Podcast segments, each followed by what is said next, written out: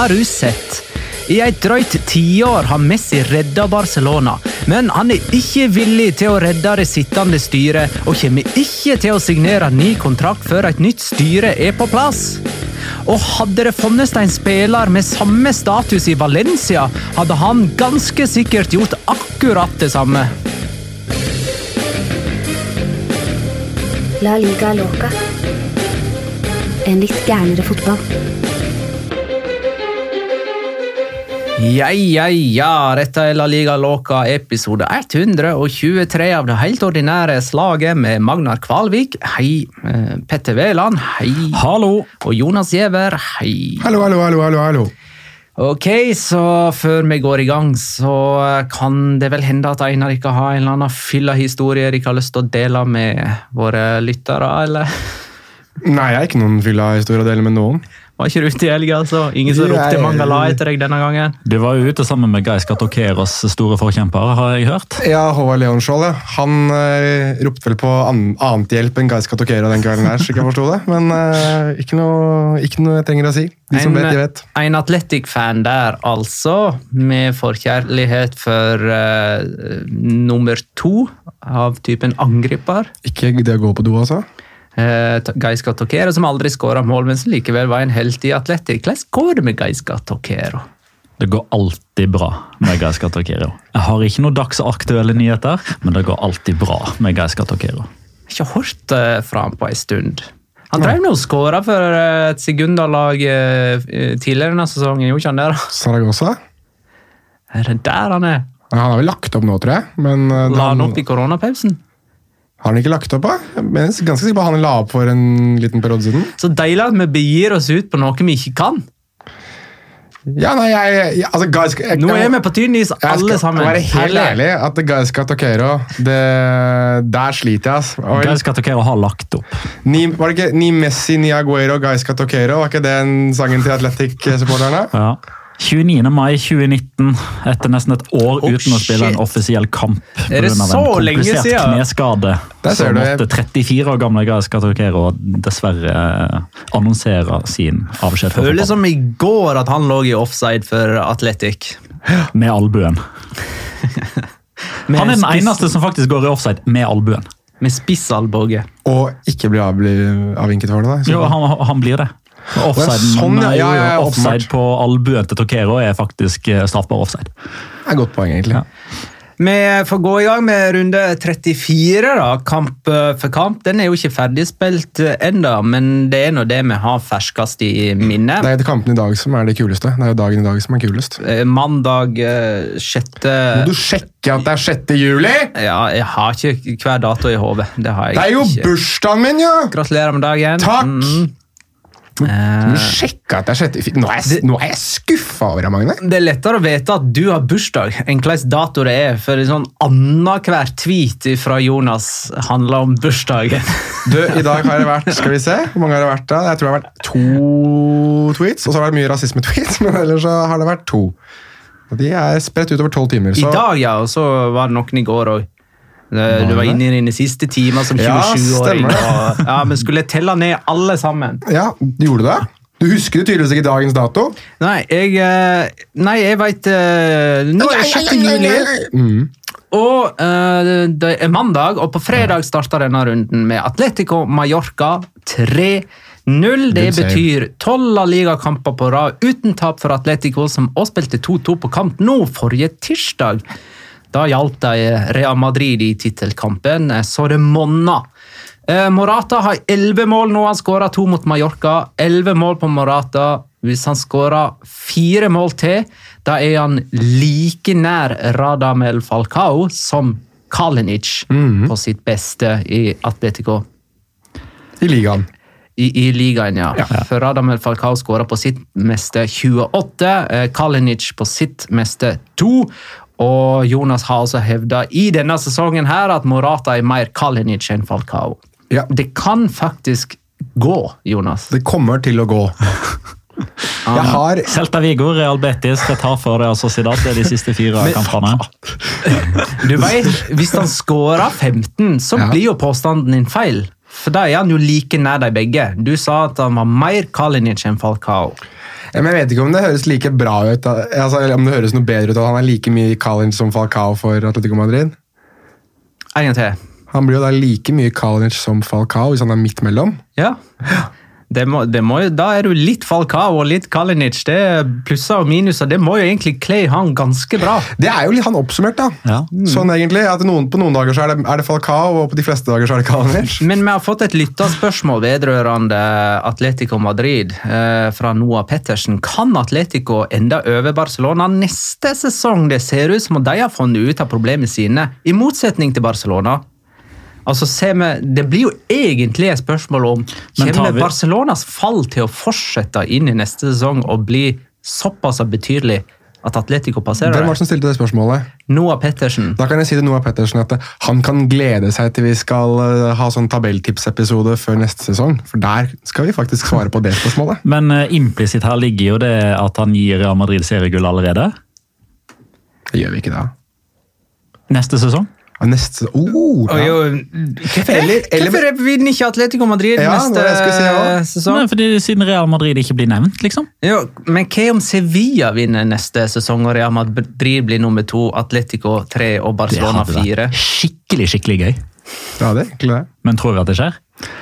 Nei. må- men, men interessant spørsmål, for jeg tror den, den sommeren som kommer nå, som jo er veldig Som, rar den vi er inne i, mener du? Jo, men det, ja, overgangssommeren og begrepet overgangssommeren. Ja, okay. eh, tidspunktet mellom denne sesongen og neste sesong, Mhm. for å være helt konkret.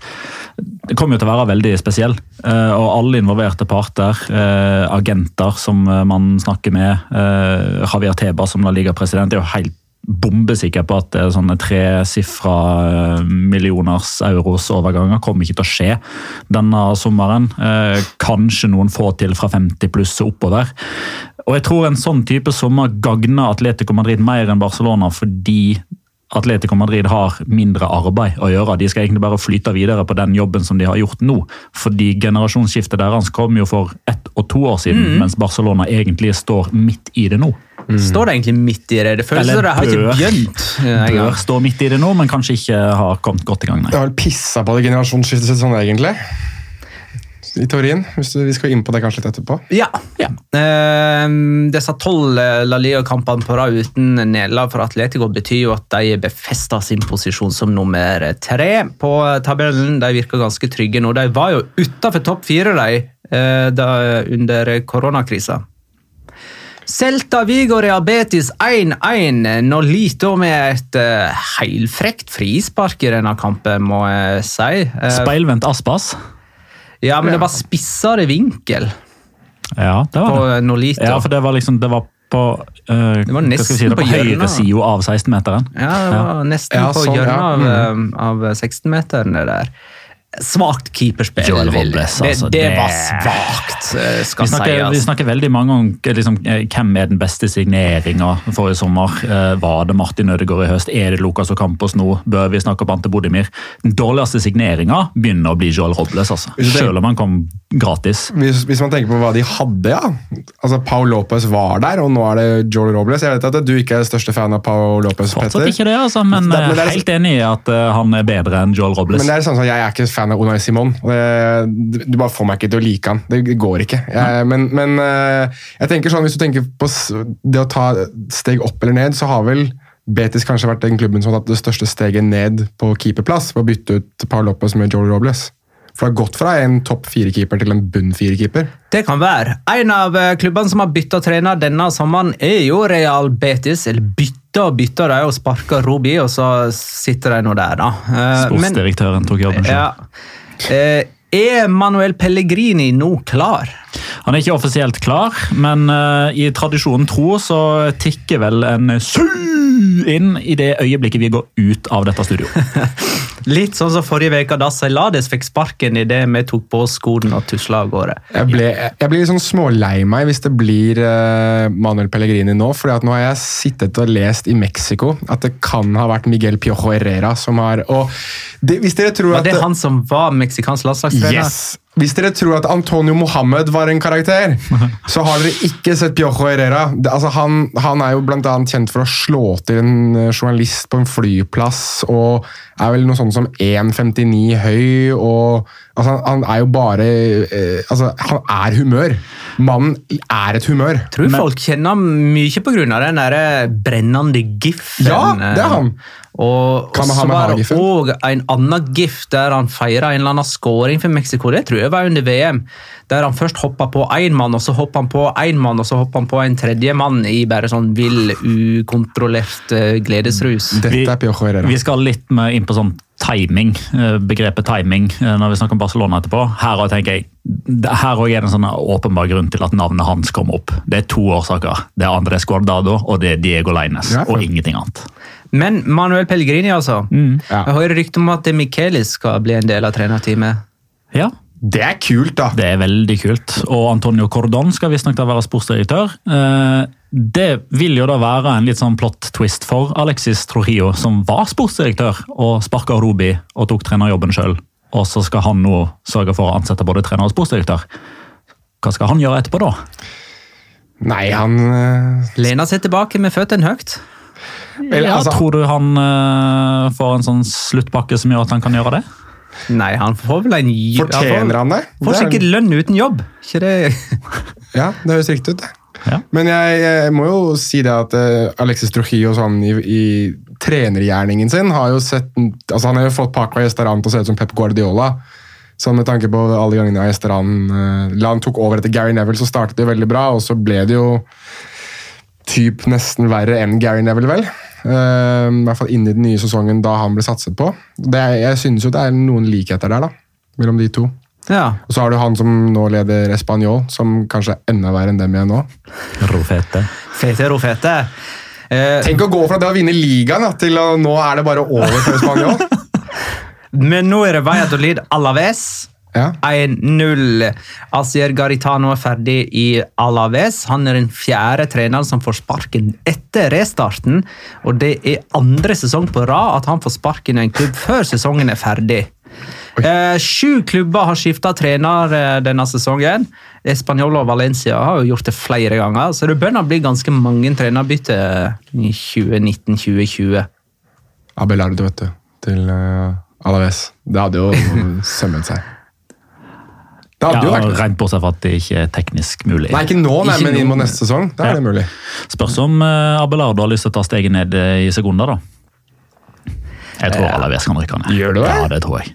Det Ok, tror jeg. eh, da, da får jeg nesten bare ta det. altså at Alaves ligger på 15. plass, uh, og de er seks poeng over nedrykksplassen som Mallorca har. Så, og det er tolv poeng igjen å spille om. Ja. Så, eh, og du Og Real- punkterer Alaves Nei, fullstendig. nei, det gjør jeg ikke, men jeg ser at veldig mange andre bare avfeier den Erikskampen som det er så done and dusted. Jeg har til og med av uh, Marius det vel, som har sagt at han skal spandere tur, uh, kost, losji og uh, påmeldingsavgift til Valencia Marathon i 2021 dersom det ikke blir de tre lagene som er under streken og som rykker ned. Så Mallorca. sikre er enkelte. Mallorca, Leganes og Español. Ja, og Årsaken til jeg tror at vi ikke skal helt frede Alaves sine nedrykksmuligheter ennå, er jo av at de møter Real Madrid borte neste gang. Det er klink null poeng. Så møter de Alaves, og så møter de Retafe. Altså, de kampene Alaves ofte vinner, er fordi de kjemper motstanderen i senk. Lykke til med å kjempe Retafe i senk, som eh, er nummer seks og fortsatt henger med i kampen om Europacup nesteplassene. Så møter de Betis på bortebane. Det er den kampen de har som kommer til å bli helt, helt avgjørende. Tar de tre poeng der, da skal jeg være enig at da er de safe. Og så har de Barcelona i siste kamp. Så kan de jo selvfølgelig være heldige i form av at Barcelona drar til Vitoria med rent B-lag og fordi resten har tatt sommerferie fordi de blir nummer to uansett. Men det kampprogrammet de har igjen, tilsier ikke at det blir mange poeng der, altså. Men Mallorca sitt Mallorca sitt eh, kampprogram er, det er veldig overkommelig. Eh, De har Levante på hjemmebane neste gang. Levante har sikra plassen sin. Den kampen som de ikke kan forvente poeng i, er bortebane mot Sevilla. Men hvis Sevilla vinner i kveld mot Eibar når dere hører på, så har de antageligvis da avgitt poeng.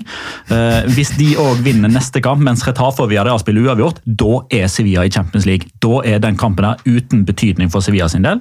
Og så er det Granada og Sassona, som etter all sannsynligvis er ferdigspilte i de to siste. Mallorca kan ta ti poeng på de fire du, kampene der. Du, du gjør en god case her, for eh, jeg skal være ærlig der. At jeg synes den, den casen Jeg ble mer eh, optimistisk på Mallorcas vegne etter å ha hørt på det her. Jeg tror Mallorca rykker ned. Jeg òg tror det, men Greit! Kan jeg, få lov kan, jeg få, kan jeg få slenge inn et lag som jeg tror at det fort kan begynne å menge seg i den kampen der? I nedrykksstriden. Ja. Mhm. Jeg begynner å bli mer og mer usikker på Betis. da tror jeg du bør ta en kikk på tabellen. Ja, men Jeg sitter og ser på den akkurat nå. poengsummen. Jo, jo. poeng, altså. Jeg vet, men jeg tror at de, Tolv igjen å spille om. men jeg tror at de fort ender på 16.-plass. Så jeg kan vi godt si at tabellen at- Ok, De overlever, ja, men kan bli, de kan leve med kaldefødte siste serierunde. type. Ish. Granada-Valencia 2-2. Her tok det av i andre omgang etter en målløs første omgang. Høydepunktet var en ny perleskåring av Gonzalo Gede, som ble opp med et slags signaturlangskudd. Det er jo ingen som skårer langskudd sånn som Gedes. Det er mange som skyter i mål fra langt hold, men ikke sånn som han. Han begynner å utfordre Saul Niges på det å ha høyest sånn vakkert snitt på skåringene sine. Altså, Hvis du rangerer alle målene da, på en skala fra 1 til 10 Saul veldig ofte oppe som 7-8. Så er det noen ganger at han pirker ned corner, sånn som på hjemmebane mot Liverpool, men som regel så er det slalåmskåringer eller langskudd eller brassespark på Saul Niges. Det begynner å bli sånn på Gonzalo Gedes òg.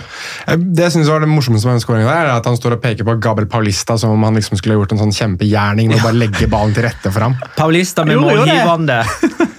Paulista med målgivende og Gonzalo Guedes evig takknemlig Ja. for den støttepasningen ute på 25 meter. Litt sånn som at Lionel Messi sikkert er dritglad for den pasninga han fikk fra Xavi da han rundet hele laget til Getafe den gangen han gjorde det. Men eh, det ble jo nytt poengtap da på Valencia. Det vil si at de har én seier på de siste sju seriekampene, eller på de sju seriekampene som er spilt denne sommeren. her. De tapte jo sin første heimekamp uh, siden sist, mot Atletic.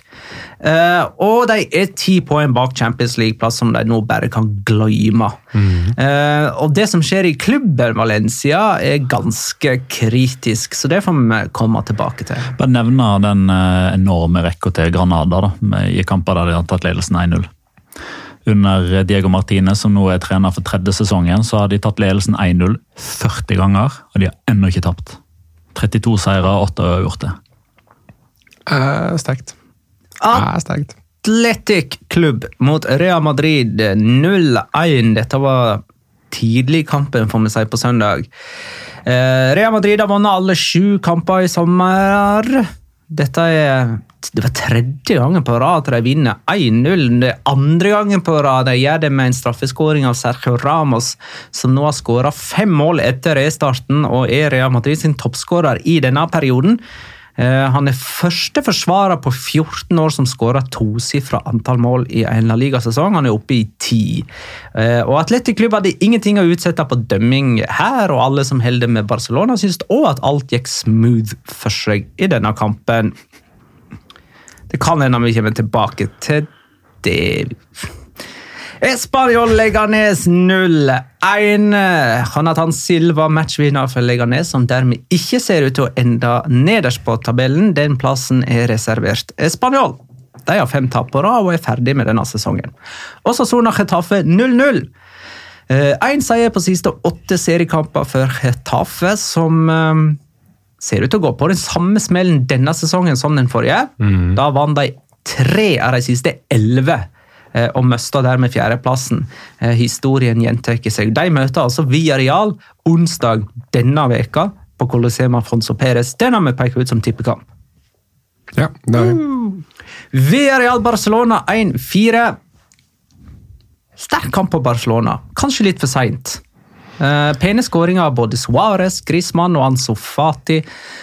Eh, de så ut til å trives på La Ceramica, alle sammen. Eh, det gjorde for så vidt òg Messi, eh, selv om han ikke skåra. Eh, Griezmann hei, har skåra like mange mål i sin første Barcelona-sesong som Neymar gjorde i sin første Barcelona-sesong.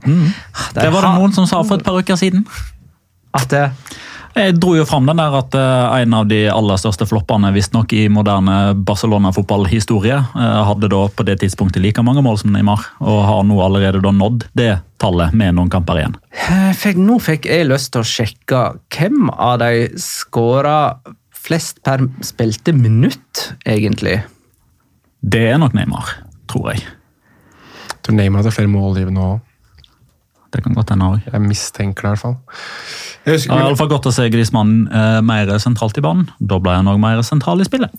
så hadde han jo en scoring som var En, noe en ode til mannen som la ballen til rette. smukke slag. Ja. Det var en sånn Ja, Griezmann har spilt mye mer enn det Neymar gjorde i sin første sesong. Ja, nettopp. Han var skada nå, Neymar. Dette kan ikke huske. Det er jo så lenge siden. Ja, Det er jo altfor lenge siden. Det var før koronakrisa. Det var den gangen vi levde normale liv. Ja. Eh, Barcelona altså fire poeng bak eh, Real Madrid etter 34 serierunder. Kamper vi ikke har nevnt, er Real, Levante Real Sociedad, for den er ikke spilt når vi sitter i studio. Martin Ødegaard er i troppen, eh, har jeg skjønt. Eh, de vant jo endelig en kamp forrige uke, Real Sociedad, da de snudde 0-1 til 2-1 mot Español. Eh, og så har vi så vidt nevnt Sevilla Eibar. Eh, som der Sevilla altså kan skaffe seg luka på seks poeng ned til femteplassen om de vinner. Så har vel vi heller ikke nevnt i denne podkasten, i tilfelle det er noen der ute som utelukkende oppdaterer seg på spansk fotball ved å høre på oss. Eh, Vi har jo ikke informert om Martin Ødegaard og Jumpers 9 og hans tur til Barcelona eh, og de skadeproblemene som da ifølge Imanol Alguacil har vedvart siden oktober. Som jo naturligvis kan være en av mange årsaker til at formen har dippa. Hvis han spiller med konstante smerter og er redd for å bli enda mer skada, så er jo ikke det naturligvis bra. Og jeg må jo si at jeg er veldig spent på hva dette har å si for uh, framtida, både på kort og lang sikt. Uh, man har jo hatt, dessverre, veldig mange karrierer som har blitt forkorta, og ikke så gode som man hadde sett for seg pga. typisk jumpers knee. Rune Bratseth, en av de.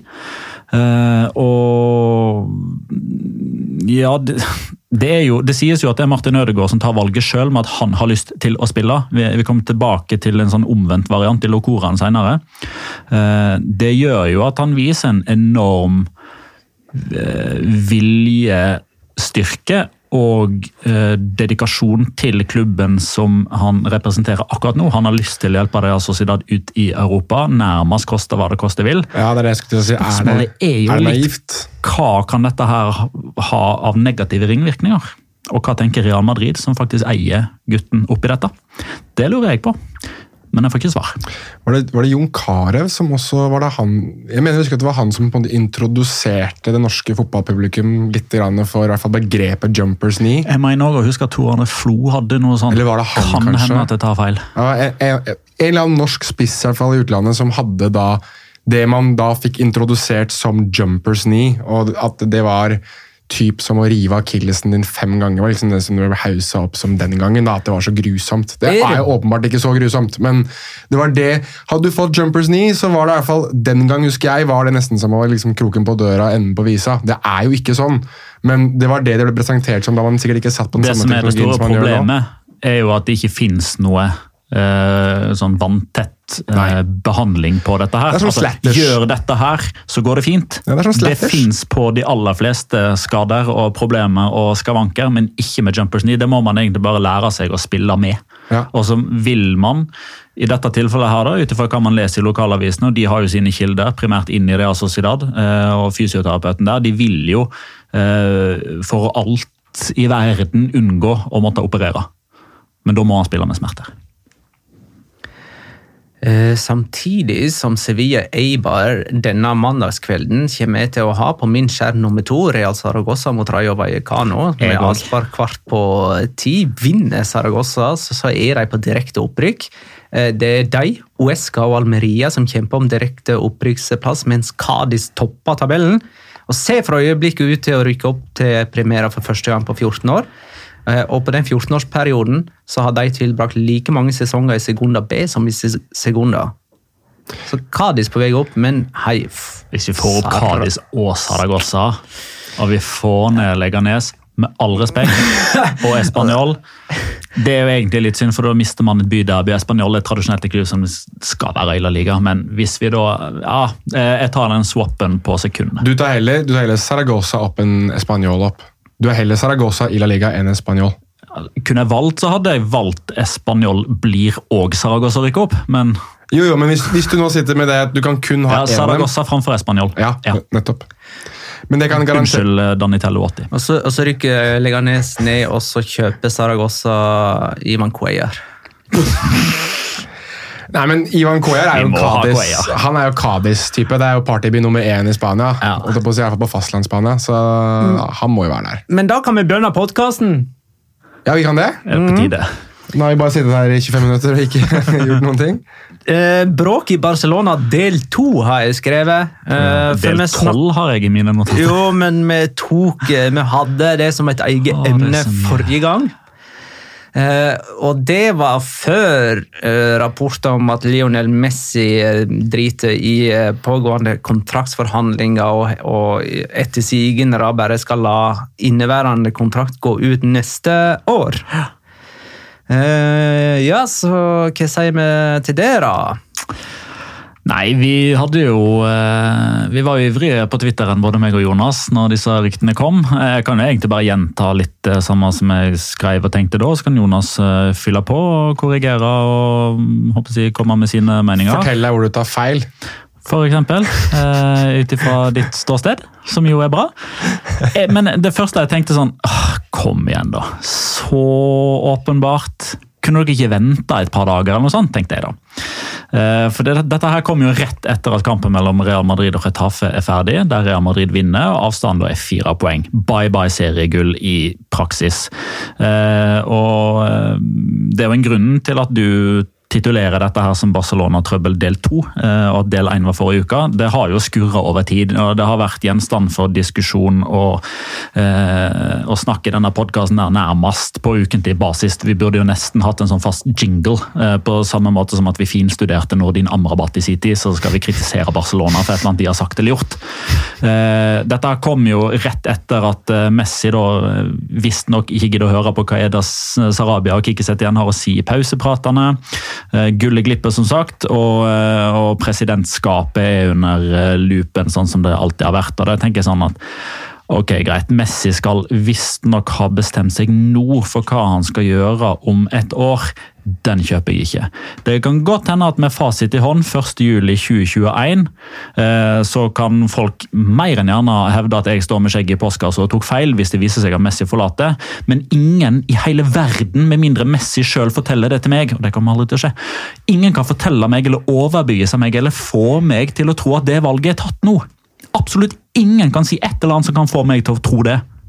Fordi det fordrer at han har utelukka all mulighet for at ting kan faktisk ha endra seg i løpet av et år. Og det er faktisk, heldigvis for Barcelona sin del, store sjanser for at noe kommer til å endre seg i løpet av et år. Av at Messi gjør det han gjør nå. Det Messi gjør nå, er jo en, det er jo en strategi. Det er jo en genial plan. Hans folk lekker til Manu Carreño i El Argero, som sier dette her på et av de største programmene i, i, på, på radio i Spania. Og hvem er det dette her går utover? Josep Maria Bartomeo, som er sittende Barcelona-president, som blir kritisert fra alle hold, og som ikke kan stille som presidentkandidat, har vi nå lært, fordi hans periode da eventuelt overstiger det som er maksimal lengde på presidentskapet i FC Barcelona. Dette her er posisjonering, du kaller det på en meget fin måte powerplay. Ja, altså det er jo øhm, Jeg kaller det for det største powerplayet, i hvert fall i den moderne øhm, Barcelona-historien som jeg har sett. Altså Det er åpenbart at det er Lionel Messi som har lekket det her selv, virker det som.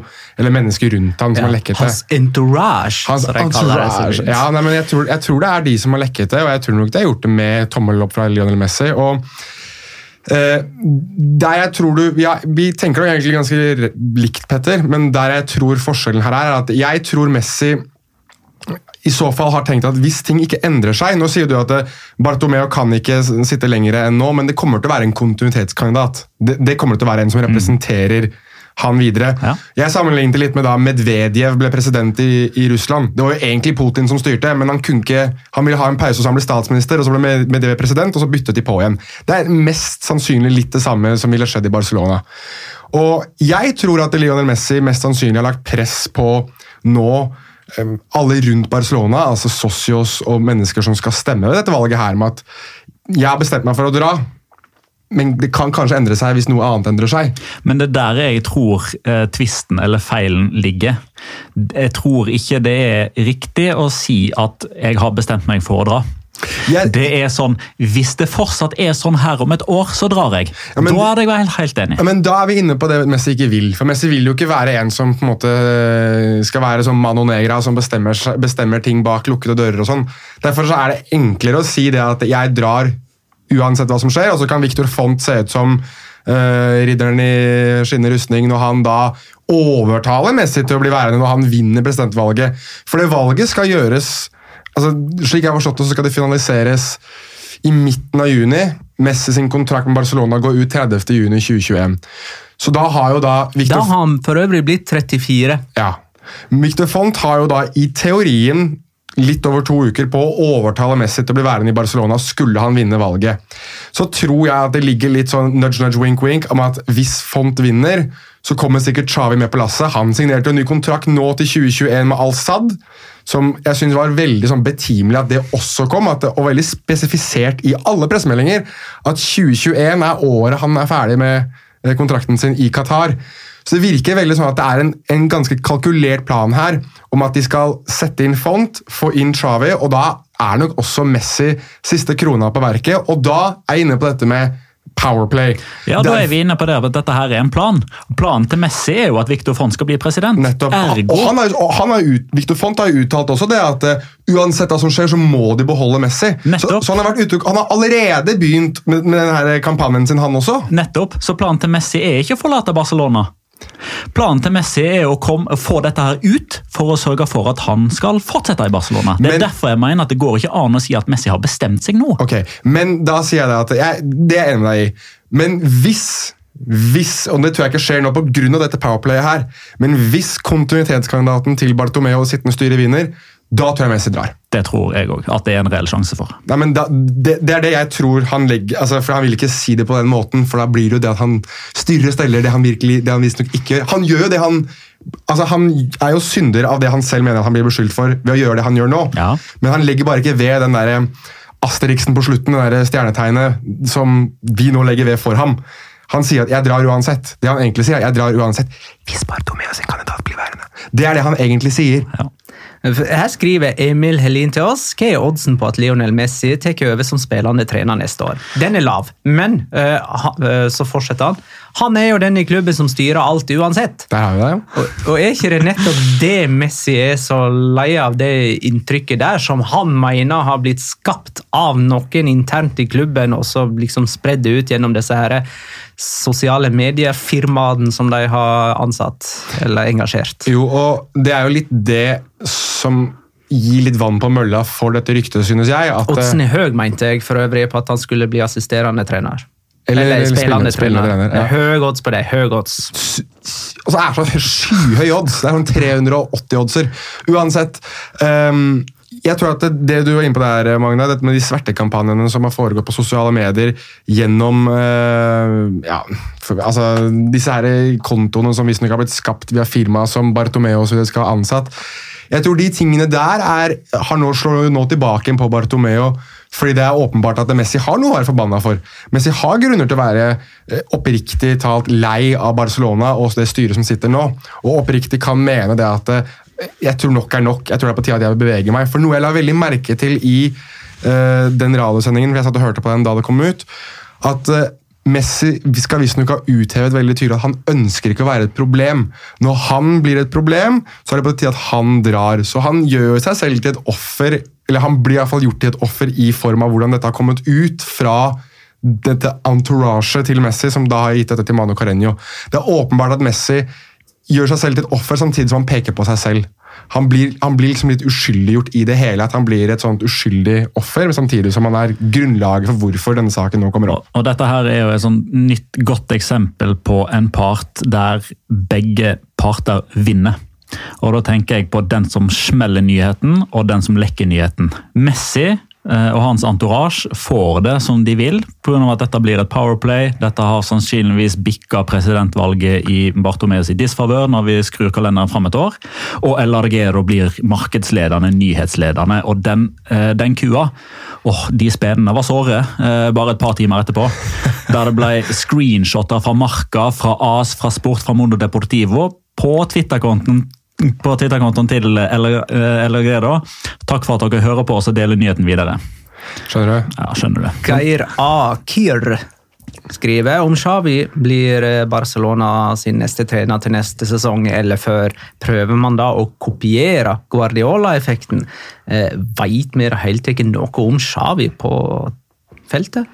Som trener? Han er vel Qatars cupmester, i hvert fall? Var det ikke det han ble til slutt, da? Ja, Veldig vanskelig å vite noe Ja, ikke sant? Og det var det. men Det var det med Guardiola òg, selv om man kunne jo på en måte se en filosofi sikkert til Lamas, nei, eh, på reservelaget, siden han hadde det et år før. Men samtidig, altså basert på hva slags type Xavi har vært, både som spiller og som person, basert på hva han sier i media, hva slags type fotball han uttrykker seg positivt om og negativt om i intervjuer, så er det jo ikke noe som helst tvil om at dette her er Barcelona sitt forsøk på å skape en Pep 2-0. Jeg vet i hvert fall at eh, for å skutte inn eh, hva slags type han er som trener altså Han har jo vært en, altså en koordinator, ikke koordinator, men mer en sånn uh, rådgiver, støttespiller til Felix Sanchez Bass, som er uh, landslagstrener for Qatar. Han har jo snakket i det vide og det brede om det at han har hatt veldig mye diskusjoner med Xavi, og Qatar ble jo hyllet da de vant Asiamesterskapet for en veldig spillende og morsom, aggressiv stil. Samtidig som de hadde øyeblikk i Copa America der de var veldig veldig gode også. og mange var jo det var mange som var litt bekymret, samtidig litt optimistiske til dem nå, inn i det mesterskapet de skulle spille nå. For de skulle være med i Copa America igjen. eh, Fordi de ser så bra ut, og man vil ikke at de skal se så gode ut pga. måten de gjør det på. Eh, Så er det mange som spør oss om dette her generasjonsskiftet til eh, Barcelona, Jørn Henland f.eks. Om, om Barcelona ligger etter Real Madrid med tanke på generasjonsskiftet. Jeg tror alle er, med, er ikke vi enige om at Langt det bak. ligger ganske langt bak. Så det jeg lurer på er om kan det være sånn at vi nå går inn i et tiår der vi kommer til å etterlyse Barcelona i det gjeveste europeiske selskap, sesong etter sesong? Litt dere husker kanskje ikke så godt perioden 95 til 2005, men da var det sånn. Da hadde Barcelona nettopp gjort unna den nære Dream Dream Team. Team-perioden sin med Johan Cruyff, og man forventa liksom år etter år at Barcelona skulle være med og kjempe om det Champions League-trofeet. Så bare forsvant de litt sånn ut i skyggen, og plutselig så var de tilbake i 2006 under Reykard. Jeg lurer på om denne neste tiårsperioden kan ligne det.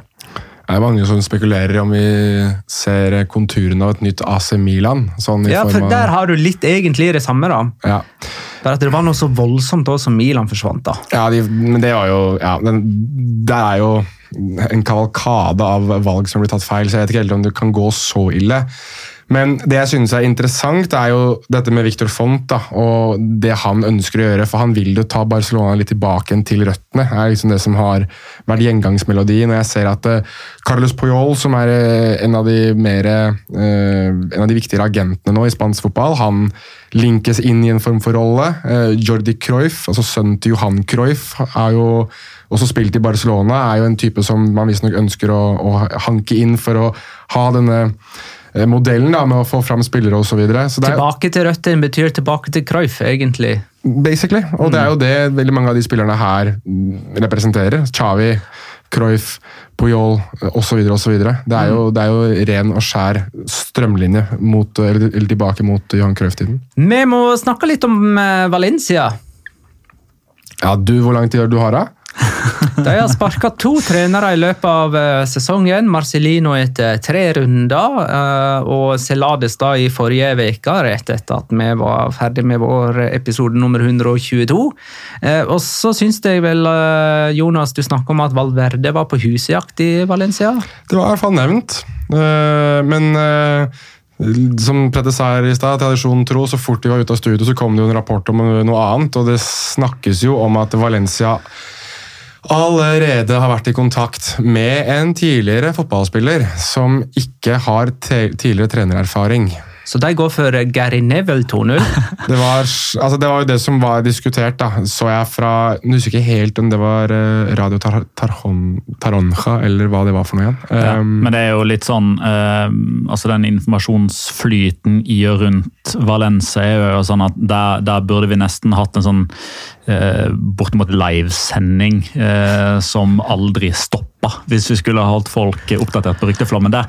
Det siste i så måte er jo altså, to ting som Radio Taronja og generalen, altså General de Pie, har kommet med i, i løpet av dagen nå. Det er jo, For å ta det trenergreiene først, så er det visstnok nå Laurent Blanc som i utgangspunktet skal være en av Jorge Mendes eh, sine menn, eh, som er um, Ok, Da er det jo bare å sette han øverst på sannsynlighetslista. Eh, Ja, sånn som det er nå, og så kan det endre seg med et par timer. Eh, Og I går så kom det også rapporter fra El Larguero om at eh, agenten til José Bordalas hadde tilbudt hans tjenester til Valencia. Da var det klart at Albert Celades sine dager var talte. La oss bare populært, eller? gjøre ferdig sesongen. Valencia sa takk, men nei takk.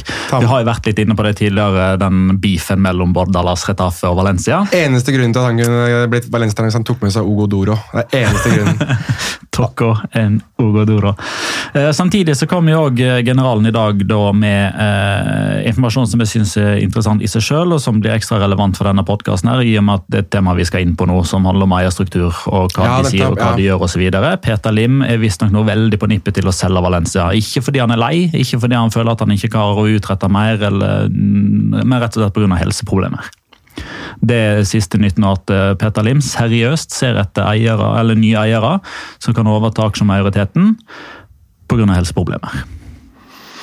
Det er jo, da er det jo ganske betimelig da, at eh, hans datter har gjort seg til persona non grata i hele Valencia-regionen. Kim Lim.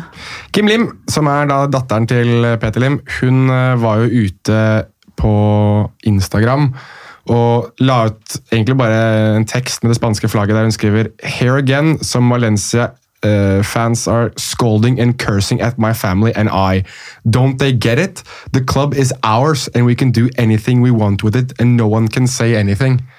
Populært. Da er det jo Da Altså Snak... Apropos Pu- Putin. liksom. Skjønner du, eller?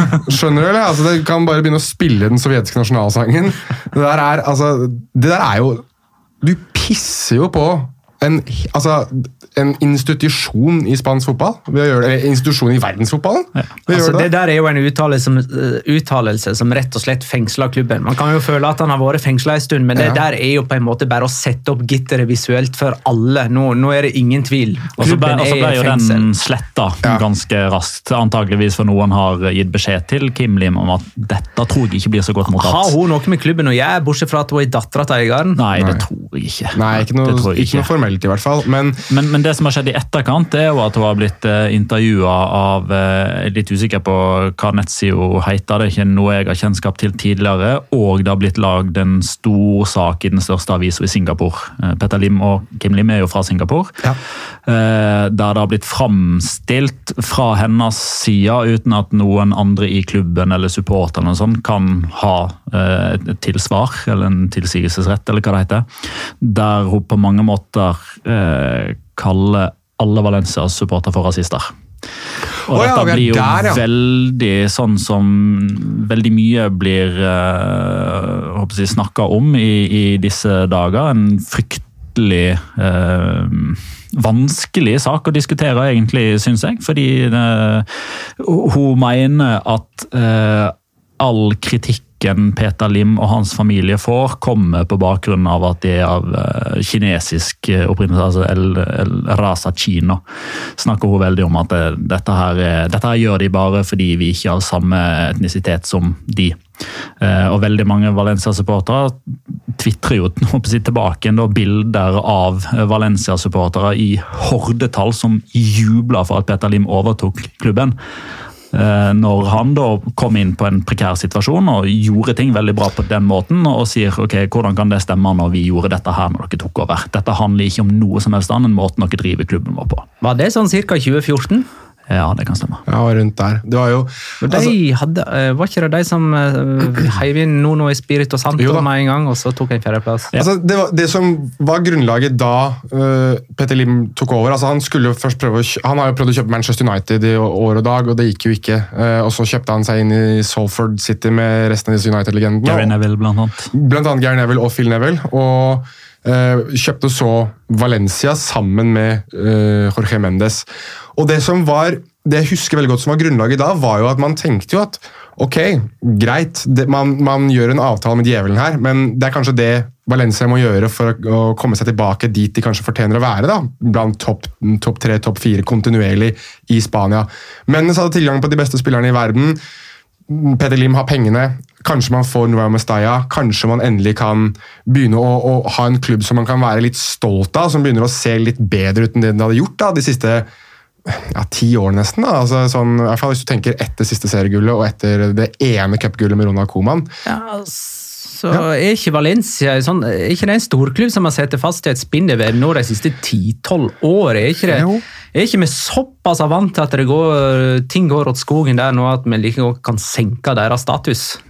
Ja, men det er litt Er det, da. en storklubb lenger, liksom? Ja, men, og, og Det er et betimelig spørsmål, definitivt. Men det burde ikke være det. på Det er en stor klubb, men det er ikke en stor klubb. Nettopp. Og det, og det er jo det som er problem. Og jeg mener, Det Peter Lim kom inn med med Meriton Holdings, var jo også altså at de var pengesterke. At de skulle dytte Valencia inn i framtiden. At Valencia skulle være med og ikke ligge i bakleset på Atletico Madrid og Sevilla, som hadde forbigått dem sportslig på det tidspunktet der. Og det som har skjedd nå, er jo det at du sitter jo igjen med en klubb som nesten har gått altså, to steg foran og fem skritt tilbake igjen. Altså Det ser jo nesten verre ut nå enn det de gjorde da, vel, før Peter Lim tok over. For da hadde man jo de minste I hvert fall ikke en stadion som råtna på sokkel. Det gjør den jo, det gjør den jo nå. Og så handler det òg litt om hvordan man eh, kommuniserer utad. Eh, I likhet med Barcelona, der man tråkker i salaten nærmest ukentlig, senest med Bartomeo og hans VAR-tirade i går kveld, eh, så kommer det også sånn jevnlige sånne drypp fra Valencia sin Twitter-konto og på hjemmesida, der man egentlig bare har gitt opp det å være troverdig. Eh, Der egentlig alt handler om å speile deres realitetsorientering. Eh, og, og de to siste eksemplene er jo at bare sånn litt sånn ut av det blå. Eh, så kom det en sånn, sånn grafikk der man eh, minner fansen på om at de hadde slått Ajax på bortebane og tatt seg til Champions League-sluttspillet for første gang på mange år. Der Albert Celades var trener og Meriton Holdings var eier. Eh, og dette her gjør man jo fortsatt for å forsvare det faktum at Marcelino måtte gå. Ja. Så det alle Valencia-supportere skyter tilbake inn med da, er liksom, ok greit, dere skryter av å ha gått videre fra en turnering som Marcelino kvalifiserte dere til. Ja. Og så var det også når Vårå ble presentert som midlertidig trener, så hadde han et ganske langt svar fra en, på, på spørsmål fra en journalist om Marcelino. Og i transkriberinga av den eh, pressekonferansen eh, på Valencia sine hjemmesider, så var ikke det spørsmålet og svaret tatt med. Ikke sant? Før det da ble lagt inn i etterkant, på bakgrunn av masse kritikk. Er men bare for å skyte en siste her, bare Når du kommer til Valencia og troverdighet, så kan du jo strengt tatt uh, se på det slik. Cæsar Sanchez, han som var siste sportsdirektøren, han gikk jo ut i pressen og sa at Albert Salades sitter trygt, vi, vi stoler på han, han er mannen vår. Så gikk det vel en time eller to, og så hadde jo Anel Murti sparka han. Og da sa jo, da sa jo Cæsar Sanchez altså det, det her går ikke, liksom. Så han sa jo opp. Så ikke bare mista du treneren din, som for øvrig også hadde gjort seg selv til persona non grata, du hadde også klart å miste sportsdirektøren, som hadde gått, altså han hadde tatt den treneren til seg da, og virkelig stått på det at vi skal støtte ham til dette går ordentlig skeis. Og så sitter du plutselig en to timer etterpå, og det er ingen igjen. Og nå skal du ikke ansette en ny sportsdirektør heller, tydeligvis, eller en type som For Kan her skriver, her skriver Chris Robin Eriksen Peter Lim har nå gitt jobben til han vi ikke nevner ved navn om å finne en ny hovedtrener. Ja, det er er det vel- han AM er eh, ja. lord Voldemort selv som skal bestemme seg for hvordan dette går. Og han er jo, han er jo, han er jo hysja på supporterne. Ja. det som er. Han er jo helt Ja, det er han som sitter på tribunen og hysjer på supporterne når, når Valencia endelig vinner en fotballkamp, liksom. Det er han som eh, vel i sin tid, hvis jeg ikke husker helt feil, for journalister har jo nummeret hans, men det var jo eh, Da de presenterte Albert Salades, så var det vel supportere som sang Marcelino sitt navn istedenfor. Ja. Da hysja han jo. Ja. Og han byttet WhatsApp-bildet sitt, altså profilbildet sitt på WhatsApp til det at han sitter og hysjer. Ok, vi må videre. Kan vi ikke fortsette å snakke om dette her? For det var deilig å få ut litt sånn det sånn psykologi, psykologtime. Vi må snakke litt om Real Madrid. og Det er mange som leter seg uh, undre over at de har solgt Akraf eh, Hakimi. Ja. Jeg hadde nær sagt fra Dortmund til Inter, men altså, han har jo vært på lån. Og har jo tidvis herja for Dortmund. Og hvor gammel er Akraf Hakimi? 20? 21? Det er vel noe sånt nå, ja. så det Eh, hadde er, det, han ikke, er det ikke 98 år gammel? Jeg tror han er 22. Sent 98, Ja, jeg tror, tror han blir 22. Men hva ligger bak eh, det salget der? Eh, Vi snakka sånn 450 millioner kroner? Var det? Ja. Ja, 40 pluss 5 i euro. 21 år er han. Ja, han er født i 98-99. Han er født i november 98, så han Ja. blir vel 22, da. Nettopp. Nei, altså, jeg synes, personlig synes at dette er et fantastisk salg av Madrid. Jeg synes det er eh, det kun- Dette var jo han som skulle følge etter Carvahall på høyrebekken, sånn som man så det for seg. Ja, med, med, På sikt så skulle han det, men det som har vært kommunisert i, hvert fall i spansk presse, har jo vært det at man har ansett Carvahall som førstevalg neste sesong også. At da Ashraf mest sannsynlig skulle inn som en nummer to, da, eh, eller som et rotasjonsalternativ for Carvajal. Personlig syns jeg at Real Madrid gjør alt riktig her. Altså Han har spilt syv La Liga-kamper, han skåret to mål, og så har han vært med å vinne en Champions League med å ha blitt byttet inn i noen kamper her og der. Har egentlig ikke gjort noen ting i Real Madrid. Ikke ansett som et førstevalg Jo, men det er jo nå to år siden! Da var han 19. Og uansett altså Han er ikke påtenkt til å, til å være førstevalg uansett neste sesong. Altså De skal ikke benytte seg av han. Ja, men De har jo ikke kjøps, tilbakekjøpsopsjon eller noen ting. Jeg er ikke helt så på at han er så god defensivt. ass. Jeg, han har spilt i en, eh, altså han spilt i en wingback-rolle der han får lov til å suse framover. Og offensivt Ingenting å argumentere på. Han er fantastisk. Altså, han har målpoeng i seg og kan nesten tides være en, en side alene offensivt. Defensivt er jeg ikke solgt på, på på Ashraf Hakimi. Han er ung, greit nok, men jeg tror at du, trenger mer for å spille i en firebeckslinje. Han har vært mye wingback med en trebeckslinje bak seg, for eksempel, og skal inn i det nå i Inter. Så for hans del, fantastisk å gå til Inter og spille på den måten han foretrekker. Så han kan gjemme det at han ikke er så god defensivt som han er offensivt. Men det defensive er jo noe han kan forbedre. Definitivt. Men jeg tror at hvis du klarer å få skvist ut 40 pluss 5 for han nå i dag, så tror jeg det er god business for en spiller du ikke engang har tenkt å bruke neste sesong. Spesielt for Real Madrid, som har lyst til å forsterke seg på andre posisjoner uansett. Ja, Handler dette egentlig bare om økonomi? det også? Nei, ikke bare, men det er en, definitivt en del av konteksten her. Jeg tror veldig mange av de eh, Real Madrid-supporterne som eh, akker seg og offer seg over dette salget her, tror jeg kanskje ikke helt har tatt inn over seg at Real Madrid er en av de klubbene som lider mest av denne koronapausen, med inntektstap opp mot 200 millioner euro. Så det er en økonomisk presserende situasjon. Og Det er ikke- så stadionutbyggingen. og stadionutbygginga i tillegg, som kommer på toppen av det hele, som nå har blitt framskjøvet. Altså, øh, altså Pga. koronapausen så satte de jo i gang det arbeidet tidligere. Ergo så må de ha enda mer utgifter på det nå enn neste budsjettår. Eh, og som jeg sa tidligere, dette overgangsvinduet som kommer nå, som kommer til å vare fram til 5. oktober, er det vel, kommer til, etter alt å dømme, til å inneholde langt færre såkalte store overganger. Og det er jo bare til å altså den kan man være uenig i markedssettinga som Transfermarkt har på noen spillere, men at de er spesialisert på nettopp dette her, som på mange måter hele driften deres eh, går inn mot det å vurdere spillere og ha overgangsnytt osv. Det er en sånn generell nedgang på markedsverdien til absolutt alle fotballspillere eh, fra forrige sesong til denne sesongen. Det er liksom defaulten. Ned på absolutt alt, rett og slett fordi det er langt mindre penger i omløp. Pga. inntektstapene på eh, kamper som blir spilt for tomme tribuner, eh, man kan ikke ha stadion, tour, og det er langt mindre penger som kommer inn.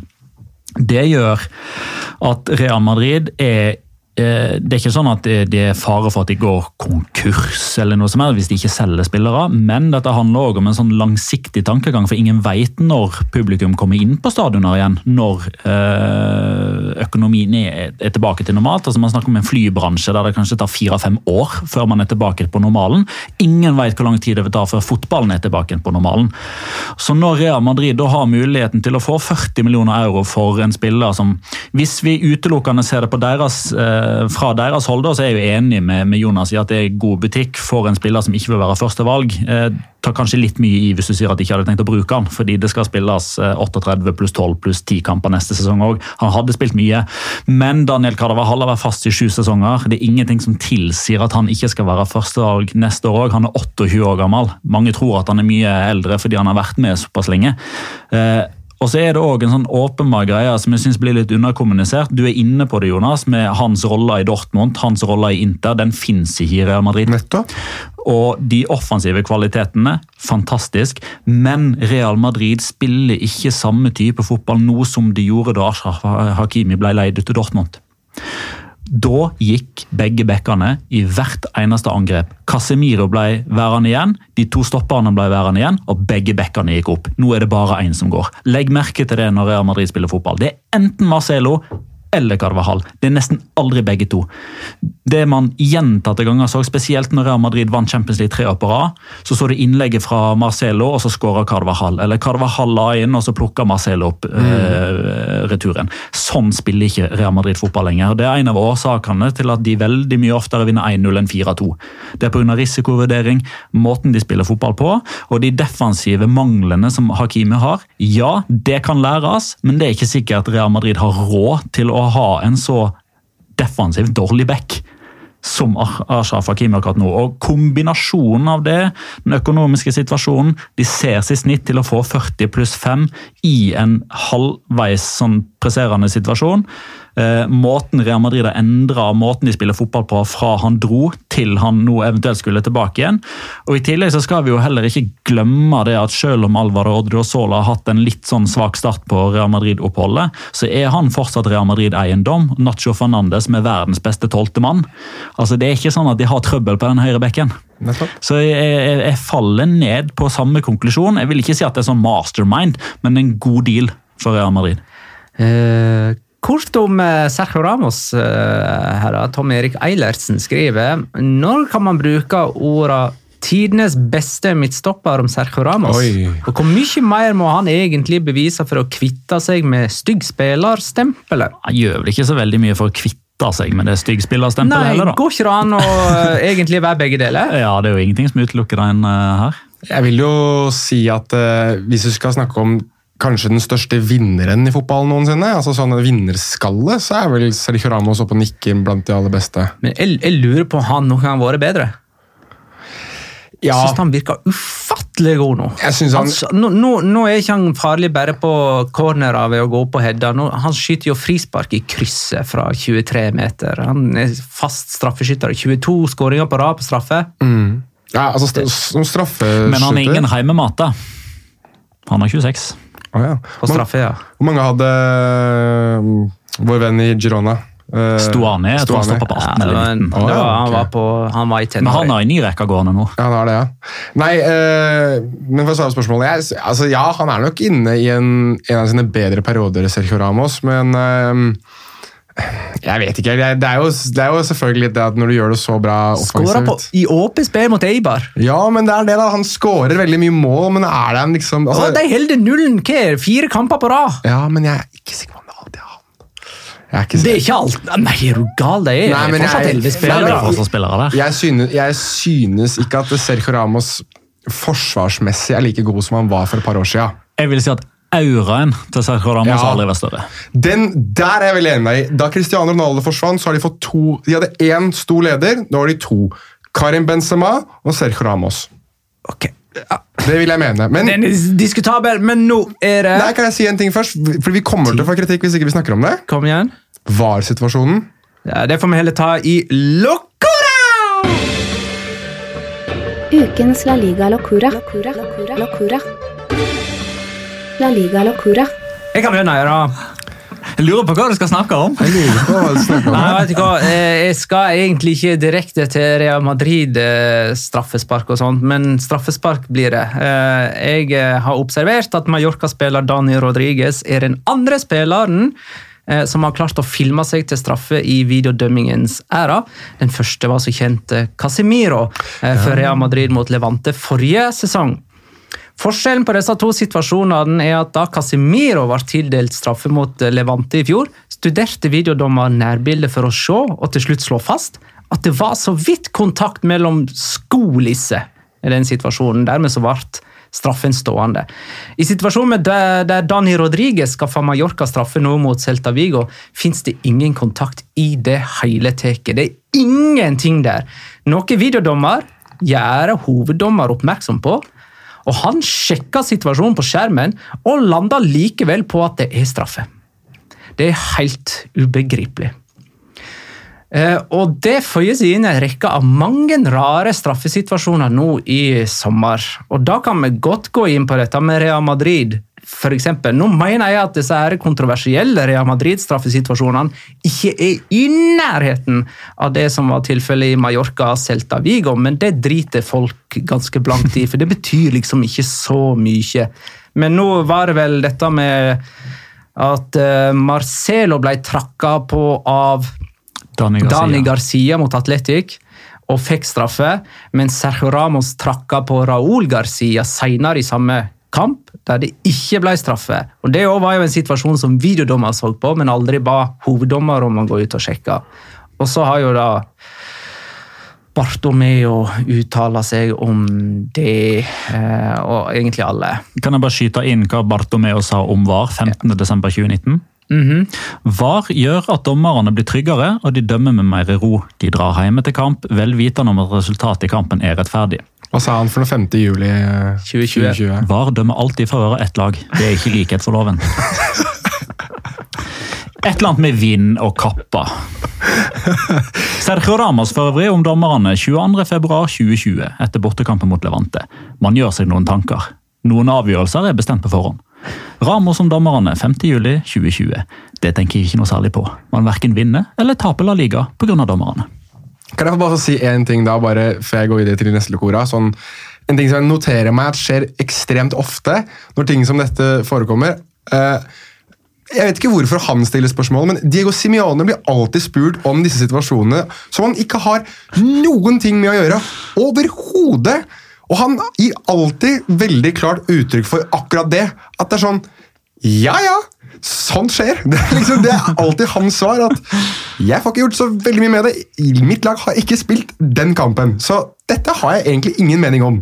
Jeg forsto heller ikke hvorfor Celta Vigo Nei, det var Real Betis det som fikk straffe. Guardado var felt mot oh, Celta ja. Vigo. Eh, og da, gikk video, ja, da sa videodommer fra til hoveddommer at denne bør du sjekke på nytt. Og Så gikk hoveddommer ut og sjekka, og så omgjorde han det til en eh, dropp.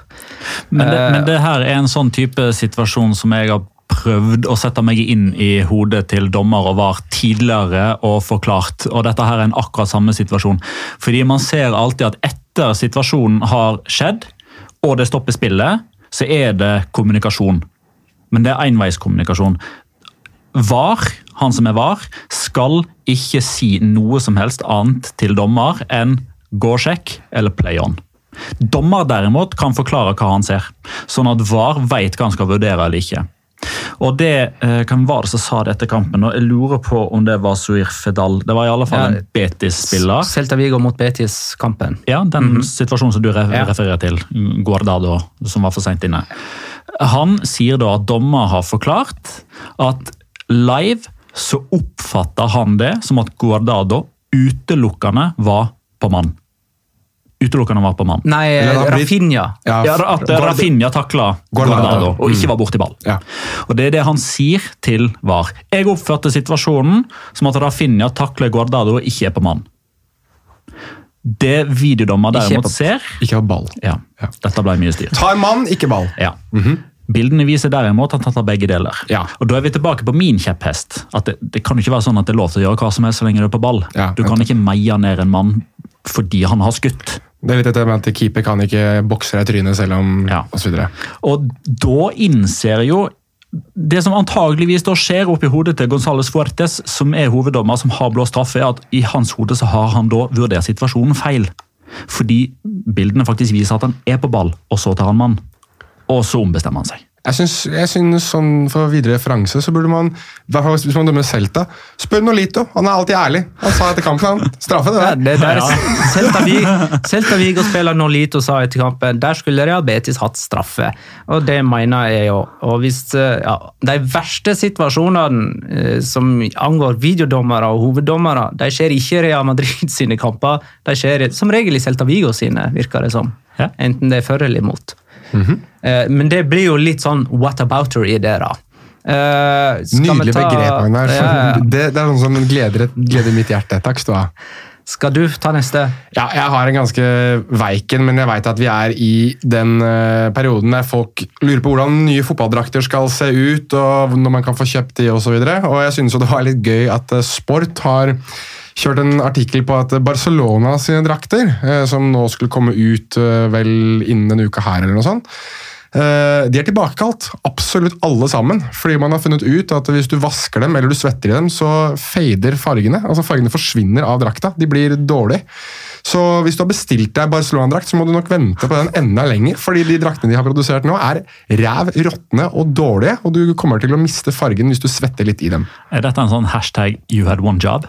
Typ det, og det, altså det samme, altså føyer seg bare inn i alt mulig annet møkk som foregår i Barcelona om dagen. At de du kan jo strengt tatt si at eh, det at eh, fargen forsvinner fra drakta er kanskje symbolikk for det symbolikk derfor for Messi ikke har eh, lyst til å spille for dem? Det er jo ikke ordentlig drakte. Det er kanskje symbolikk for hele klubben, at fargen forsvinner mer og mer. Min locora er det, er det er litt galskap. Det er ikke noe som har skjedd i kamp, men det er eh, noen uttalelser fra vår alles kjære karismatiske meksikanske trener Javier Agirre. Det er jo eh, viktig å påpeke for de som ikke kan spansk, locora betyr galskap. Så Ja. det, det, du er inne i riktig felt her nå. Ja, det er bra. Ja, bra. Takk for det. Yes. Han ble spurt etter kampen hva skjer med Oscar Rodriguez, oh, ja, som vi har eh, nevnt eh, tidligere her som en veldig veldig god fotballspiller, som er på lån fra Real Madrid. eh, Til Leganes. til Leganes. Eh, og han måtte forlate banen med skade mot Granada, eh, og etter det så har han ikke spilt. Eh, og Javier Aguirre sier da at det var hans valg å ta Oscar ut. Eh, I pausen mot Granada, fordi da hadde de allerede mista Guido Carrillo med skade, og eh, Javier Aguirre ville ikke risikere at Oscar skulle pådra seg en enda mer alvorlig skade. Han hadde fortalt til Oscar i garderoben jeg tar deg ut nå, sånn at du kan spille de neste kampene. Oscar var fly forbanna, for han ville spille videre. Han ville fortsette å hjelpe. På samme måte som vi nå ser at Martin Ødegaard, som også er på lån fra Real Madrid, spiller gjennom smerte, eh, går gjennom ild og vann for å spille for Real Sociedad og hjelpe de i å nå sine målsetninger. Og det er her jeg ser et landskap som gjør at jeg kanskje begynner å bli enda tryggere på at Martin Ødegaard spiller for Real Sociedad neste sesong. Årsaken er jo at på bakgrunn av, at ut, på, på, på bakgrunn av uttalelsene til Javier Agirre med at Oscar han spiller ikke mer for oss, jeg vet ikke om det er pga. skade, eller hva det er for noe, men noen har snakka med han. Jeg vet ikke hvem som har snakka med han, jeg vet ikke hva de har snakka om, men etter den incidenten i pausen mot Granada, så har han ikke vært til stede. Han er her, men han er her ikke. Han spiller ikke mer for oss. Han skal tilbake til Real Madrid. Hva som skjer det, etter det, Vet ikke.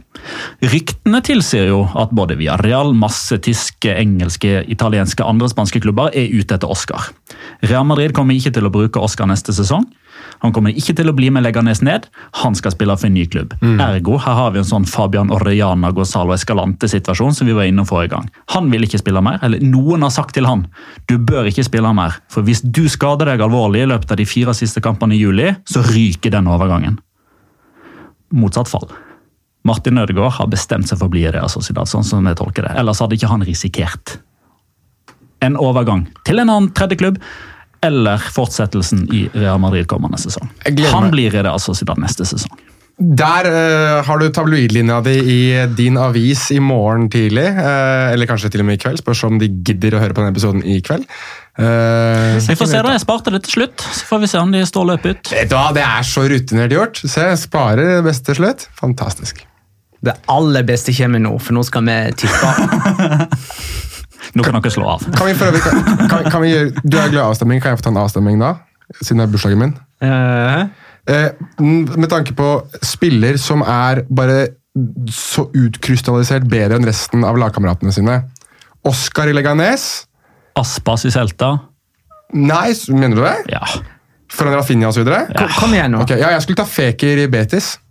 Ja. Vi kan de tre, da. Jeg, jeg mener Feker i Betis er altså han er så mye bedre enn resten av Betis-spillerne.